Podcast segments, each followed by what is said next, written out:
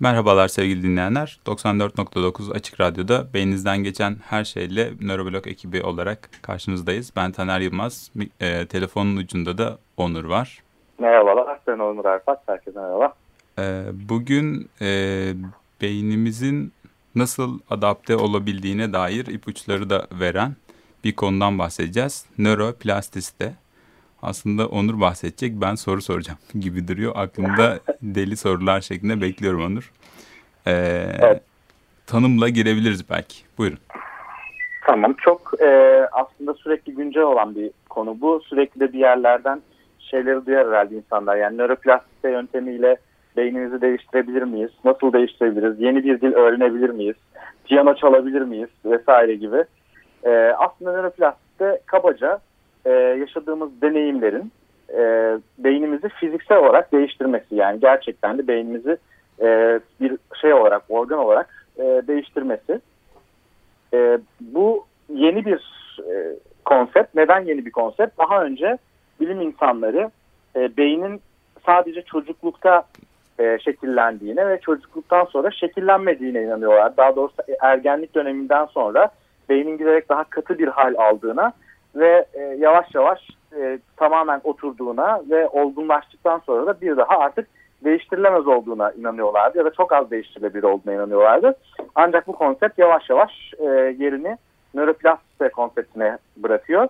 Yani beynin e, hemen her yaşta değiştirilebilir olduğuna çeşitli deneyimlerle e, buna yönelik e, bir takım kanıtlar görüyoruz. Oradaki sadece hayvanlar değil insanlarda da.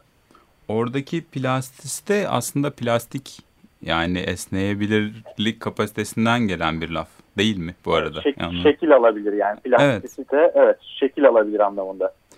Benim aklıma ilk gelen şey şu oluyor mesela hani beynimiz kendini onarabilir mi? Hani nöroplastisiteyle böyle hani değişime uğrayabilir mi, onarılabilir mi, esneklik yani fiziksel esneklik gösterebilir mi oluyor. Herhalde buna ilişkin göndermeler de var. Bir de az önce söylediğine dair bir e, çağrışımım oldu şu e, hani belli ergenlikten sonra belli yaşta işte giderek oturuyor.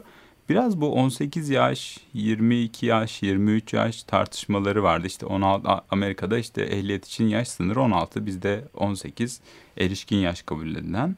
Ve oradan sonra aslında hani bu biraz nöroplastisiteyle bağlı bir şey. Hani bunu da vurgulamak lazım. Yani insan beyni belli bir noktada olgun biçimine oturur gibi bir yan var. Aslında bunu işte nörobilim çalışmaları birazcık daha o nöroplastikliğin yüksek seyredebildiği çağları 23'e kadar falan uzattığı çalışmalar da olmuştu. Biraz hani direkt göndermeleri de var 18 yaş erişkinlik gibi hayatımızda aslında.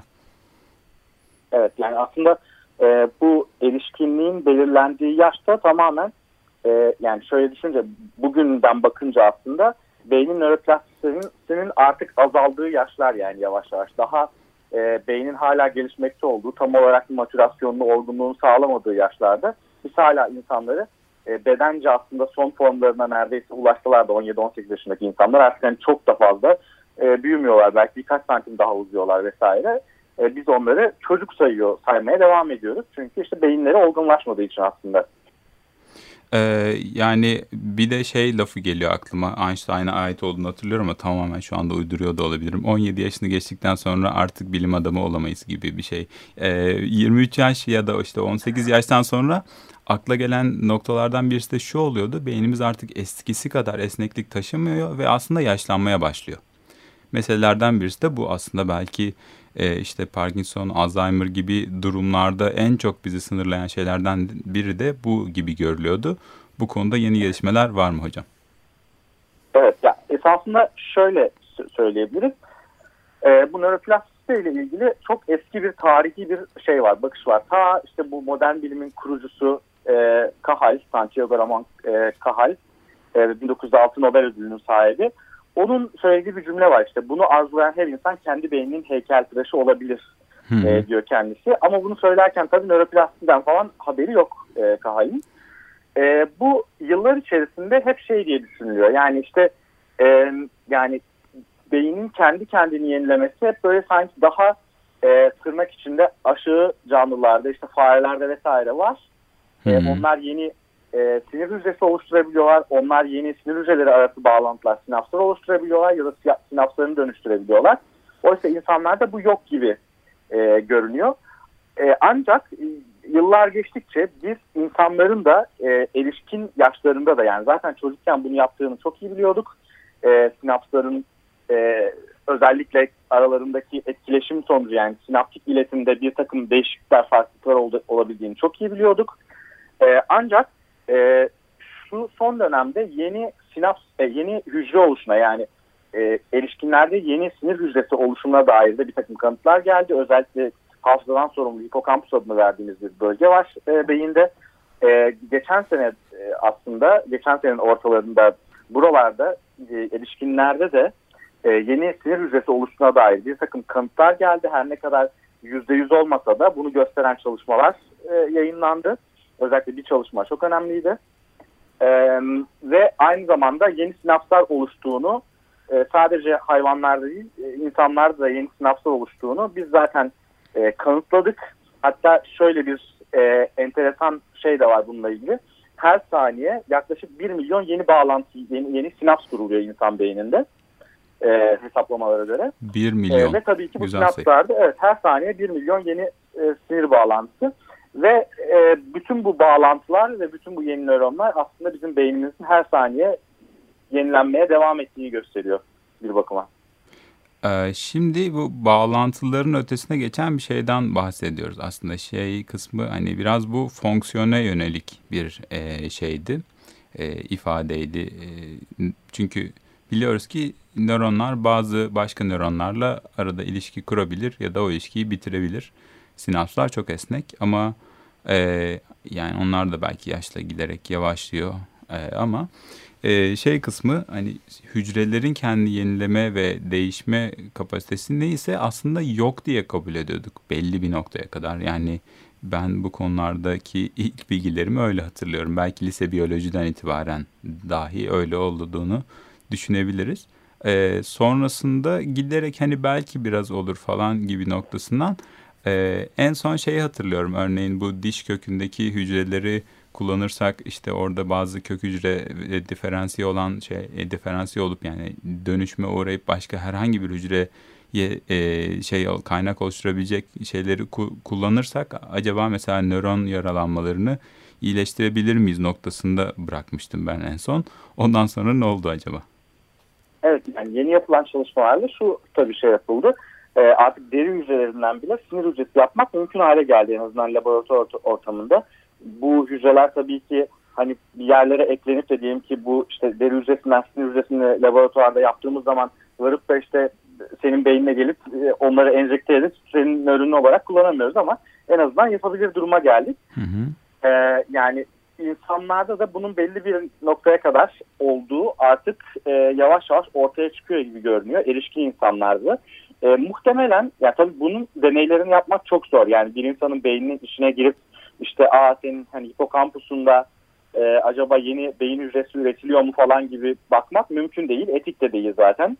E, çocuklarda yani bunun daha yüksek oranda olması ihtimali çok yüksek. Çünkü yani 2 yaşına kadar nöroplastisite neredeyse en yüksek e, konumda insan beyninde. Erişkinlerde de devam ettiği söyleniyor. Bu yapılan çalışmalar postmortem yani işte kadavralar üzerinde ama hemen aslında öldükten sonra yani insanlar üzerinde yapılan çalışmalar. Çünkü işte öldükten sonra da bir kısım metabolik faaliyetler az ya da çok devam ediyor ve orada aslında buluyorlar bu yeni yapılan hücreleri. Öldükten hemen sonra yapılan çalışmada aslında bu böyle bir hasta grubundaydı. Tabii böyle bir hasta grubunda olması da e, bir takım veriyle ilgili güvenilirlik e, meselesini e, gündeme getiriyor ama yine de buna dair ilk kanıtlar bulunmuş e, durumda. Bu laboratuvar çalışmaları aslında biraz bana şöyle hissettiriyor. Yani böyle sansasyonel bir başlıktan sonra aa bunu işte Petri kabındaki hücrelerde mi yaptılar falan gibi bir hissiyata kapılıyorum. Çünkü insan beyninde zaten çok zor böyle şeyleri göstermek işte ama hani diğer en azından canlılarda bunları gözlemiş olsak diye. Ama şöyle bir önemi var. Çünkü önceki işte nöroplastisite var mıdır sorularına indirekt kanıtlarımız vardı. İşte bölgelerin işte beyinde çeşitli bölgelerin MR'larını çekerek bakmak gibi e, hücrelerin kendisinde bunu göstermek bence önemli bir gelişme gibi bu bu heyecanlandırıyor aslında bilim e, insanlarını. E, şey gibi de yani yeni çağın yatırımlarından gibi de görünüyor. Ünlü sinir bilimci Katy Perry'nin de söylediği gibi nöroplastis de yeni plastik cerrahidir. Bir tweet'i de var. E, Onur da paylaşmış yazısında zaten. E, yani biraz heyecanlandıran taraflarından da bahsedelim de e, niye bundan bahsediyoruz belki daha anlaşılır olur. Evet. Ya esasında şöyle tabii çok popüler oldu. oldu. İşte 3-4 gün önce Katy Perry de bu konuda şimdi senin dediğin e, tweet'i attı. Ve bir anda böyle popüler gündeme de e, şey oldu. E, malzeme oldu. Yani her şeyden önce tabii biz istediğimiz kadar insan beyninde yeni bir sinir hücresi oluşuyor mu oluşmuyor mu falan diye tartışalım. Yani oluşmuyorsa bile aslında insan beyninde nöroplastisitenin e, en azından sinap, sinaptik plastisite açısından e, bir mekanizması var. Yani sinaptik plastisitenin olduğunu biz biliyoruz. Yani sinapslar sürekli değişiyor. İşte az önce bahsettiğim saniyede 1 milyon sinaps e, oluşumu var diye. E, burada da tabii bir şey var yani hani e, use it or lose it diye bir prensip var çok meşhur işte kullan ya da e, kaybet. E, işte yani bu da eğitimde nöroplastin yani eğitimin nasıl nöroplastiği e, etkilediğine dair e, bir e, prensip aslında bir yandan. E, çünkü şöyle bir şey var mesela e, işte yani kullanılan bilgiler daha fazla pekişiyor, kullanılan sinapslar daha fazla güçleniyor. E, bu sayede e, beyin yeni bir yapıya kavuşabiliyor. Tam tersi kullanılmayan sinapslar da giderek e, güç, güçsüzleşiyor ve ölüyor. Ben buna şey diye mesela çok klasik örneği şudur bunun. İşte 4 kere 4 kaçtır diye sorduğun zaman hani kimse oturup da böyle 4 ile 4'ü çarpmaya 4 tane 4'ü yan yana getirmeye falan çalışmaz. Hemen 16 e, deyiverir. Belki bunu ilkokulda sorduğun zaman çocuklara hemen söyleyemezler 16 diye. Ama hani belli bir sene çarpım tablosuyla e, şey olduktan sonra yani iştigal ettikten sonra e, kimse artık 4 kere 4'ü çarpmaya çalışmaz. Herkes direkt 16'da. E, çünkü yıllar içerisinde sürekli kullanırsınız bu bilgiyi. Kullanır kullanır pekiştirirsiniz. Ama mesela ben sana desem ki e, yani milyokefalon savaşı diye bir şey vardı. Hangi tarihteydi bu milyokefalon savaşı diye bir şey desem muhtemelen cevabım yani nereden Bence bence yani. önündeki notlardan okuyorsun. Sen de bunu ezbere biliyor olamazsın. Ya yani umarım bilmiyorsundur.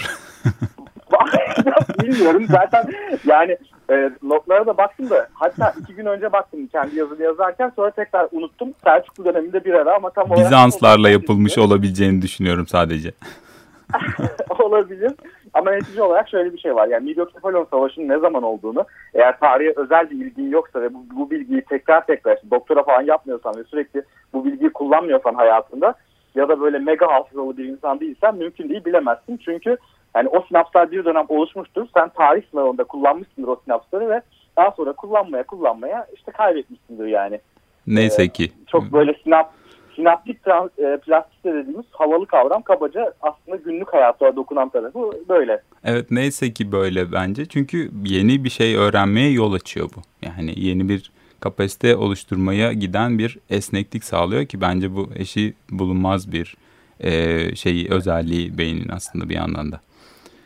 Bir yandan da şöyle bir şey var yani yeni yapılan çalışmalarda gösteriyor ki bir şeyleri unutabilmemiz sayesinde aslında yeni şeyleri öğreniyoruz. Bu açıdan da belki daha iyi bir şey evet. Milyokefalon Savaşı'nın şu anda e, tarihini bilmiyor olmamız. Sen biliyor musun bu arada? Söyle de hani merak edenler de. Yok unuttum işte. Üç gün önce baktım. unuttum. Peki. Uh, use it or şey.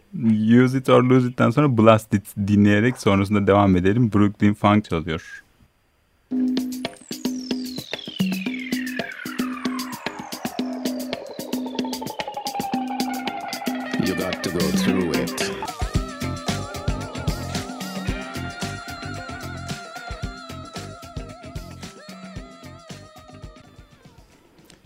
Merhaba tekrar 94.9'da beyninizden geçen her şeyi konuşmaya devam ediyoruz. E, nöroplastisiteden e, en son e, Katy Perry'e kadar geldik. E, şimdi beyindeki esnekliğin e, şu açılardan da önemi var. E, aslında birçok bir nörodejeneratif yani sinir hücrelerinin kaybıyla giden hastalıklar var. E, birçok insan içinde bu yaş hani beklenen yaş uzadıkça insanlar yaşlık döneminde e, böyle şeylerle karşılaşma riskini daha çok gördükçe de aslında biraz korkutucu da bir yandan. Bunlar için bir umut ışığı olabileceğini de düşündürtüyor bana ve bu açıdan da güzel e, yani bu çalışmaların bir an önce hani kliniğe uygulanabilir hale gelmesi hepimiz için birçok bir hayali gerçekleştirecek. E, aslında e, Almanya'da çalışan e, bir ekiple de bununla ilgili bir şeyler konuşmuştuk bir ara değil mi? E, Kızıl evet. Laboratuvar. Ee, bir yandan hani onların o klinik uygulama ihtimalleri gerçekten e, şey ciddi derecede e, bir şey gibi heyecan uyandıran bir e, yan taşıyor e, ve şey gibi de düşünüyoruz bunları hani direkt müdahale edemediğimiz alanlar var yavaşlatmaya çalışıyoruz yani bahsettiğim şey Alzheimer demansı örneğin ya da Parkinson gibi hastalıklar Bunlar için de bir şeyler, e, bir umut ışığı olabilir. Bunun, çünkü daha önceki çalışmalar işte aklıma gelenlerden birisi mesela işte Londra'nın taksi şoförlerinin işte hipokampüs alanları, hafıza merkezlerinin gerçekten diğer insanlardan gösterdiği fark. Bu bize şunu göstermişti. Ee, insan yani gerçekten ciddi derecede buna e, meşguliyetini buna ayırdığı zaman, zamanını buna ayırdığında ciddi derecede bir e, şey büyüme görülüyor o alanda. İşte bu hücrelerin kendi çapında büyüme olabilir, sayısı artıyor olabilir, sinapsları yoğunlaşıyor olabilir. Pek çoğu mümkün. E, bu işte kısmi bir şeydi. Hani orada ne oluyor tam olarak bilemiyoruz. Hücreler yenileniyor mu? indirekt bulgularımız var. İkincisi benim hatırladığım biraz daha psikiyatri alanından örneğin depresyon tedavisinden sonra gene benzer biçimde hücreler orada kaybedilen ve hacmini kaybetmiş olan alanlar yeniden hacmini kazanıyordu. Bu bence önemli bu arada. Depresyon tedavisinde hani gerçekten biyolojik bir tarafı da iyileştirdiğini hatırlatmak belki genel bilgi açısından da önemli bir şey. Yani bunun biyolojik tarafına da iyi geliyor depresyon tedavileri hem ilaçlar hem terapi bu arada. Ee, yani bunları görüyorduk. Şimdi yeni bir kapı açabilir mi? Ya da mesela şey soruları falan da geliyor. Hocam işte e, buradan işte süper beyne doğru bir adım atabilir miyiz? İşte gece yatarken İngilizce dinleyerek kulaklıkla uysak sabahleyin İngilizce öğrenerek kalkabilir miyiz gibi şeyler de geliyor. Ne dersin? Evet. Ya şey önce çok kısa belki şundan bahsedebilirim. Senin bahsettiğin bu Londra'da taksi şoförleri üzerinde yapılan çalışma çok önemli. Çünkü artık modern dönemdeki nöroplastik çalışmalarını e, çok dönüm noktalarından bir tanesi o. Bilmeyenler için şöyle özetleyelim. E, 2000 yılında yayınlanıyor bu araştırma ve şuna bakıyorlar. Londra'da hani devasa bir şehir ve o dönem tabii 2000 yılında navigasyon falan yok ya da en azından bu e, kuvvette bu kadar e, iyi durumda değil navigasyon sistemleri. E, bu dönemde Londra taksi şoförlüğü için e, bir kurs almak gerekiyor ve bu kurs böyle çok zor bir kurs çünkü e, bayağı böyle yani kursun sonunda yapılan sınavı geçmeniz için işte e, bir yerden bir yere iki tane adres veriyorlar. Bu iki adres arasında hangi yerden nereden en kısa gidersiniz diye bir sorular soruyorlar size ki çok zor bir soru yani. Mesela bir taksiye binip Baker Street 221B deyince. evet. Yani. yani işte şey yani bu, bu kadar şey yani hani zor bir şey. Orada Londra zaten tek taraflı olduğu için ben karşının taksisiyim durumu da olmuyordur herhalde orada. Yani bu e, bu çalışma yani bunu kursu yapıyorlar ve başlangıçta ve sonunda e, MR görüntülemeyle beyinlerini e, görüntülüyorlar ve bu kursu alan ve başarıyla bitirenlerin hipokampuslarının e, büyüdüğü gösteriliyor ki bu e, modern dönemdeki nöroplastik çalışmalarının en önemli başlangıç evrelerinden bir tanesiydi. Daha sonra da buna benzer bir sürü çalışma geldi. Senin bahsettiğin şey gerçekten de artık bir sektör haline geldi galiba. Ee, şey bir nöroplastisitenin karanlık yüzü diyebileceğimiz de bir noktası hmm. var bahsettiğin gibi. Yani e, acaba e, şey mi hani e, şunu yapabilir miyiz bunu yapabilir miyiz nöroplastisiteyle işte nöroplastisitemizi artırarak işte diyelim ki e, dil öğrenebilir miyiz dans etmeyi öğrenebilir miyiz vesaire gibi sorular geliyor. E, ve bunun da tabii ki her şeyde olduğu gibi bir takım işte oportunistik fırsatçıları oluyor. İşte mesela bu bir artık şey olduğu için yani bilinen bir laf haline geldiği için nöroplastisite ya işte şu vitamin haplarından alın bu vitamin haplarıyla beyninizin nöroplastisitesi arttırın bu sayede her şeyi yaparsınız. Ya da işte şu nörokuantum yoga kursuna yazılın. Bununla her şeyi halledersiniz falan gibi bir takım e, fırsatçılıklara fırsat veriyor aslında bilimin açtığı bu yol.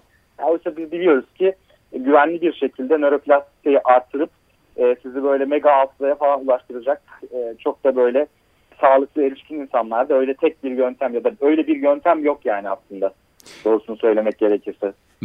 Yine de ya azıcık da umut olsa iyi olur diye düşünüyorum. Hani tamam geceden sabaha İngilizce öğrenemeyebiliriz belki ama ee, şöyle evet. çalışmalar hatırlıyorum. Örneğin bazı yine psikiyatrik rahatsızlıklarda da reseptörlerin etkileşimi işte oradaki işte rahatsızlığın getirdiği NMDA reseptörleri mesela aklı geliyor. Hani çok e, fazla uyarıldığında ölüme doğru gitmelerini azaltmak, o hücreleri korumak, işte yeniden oluşumlarını desteklemek de sanki biraz daha mümkün olacak.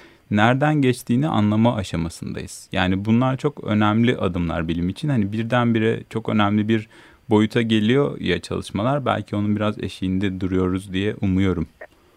Evet kesinlikle her şeyden önce yani bir insan ne kadar yaşlanırsa yaşlansın öğrenmek, hafızasını geliştirmeye çalışmak, yeni yetenekler, yeni diller, yeni bir takım e, bilgilerle karşılaşması onun kesinlikle beynini dinç tutuyor. Onu söyleyebiliriz belki yani. Onu bilgisayar açıdan kesinlikle zinde tutan bir şey. Ee, bu hani şu anda şunu yapın bu mucizedir diyebileceğimiz bir tedavi ya da yöntem yok.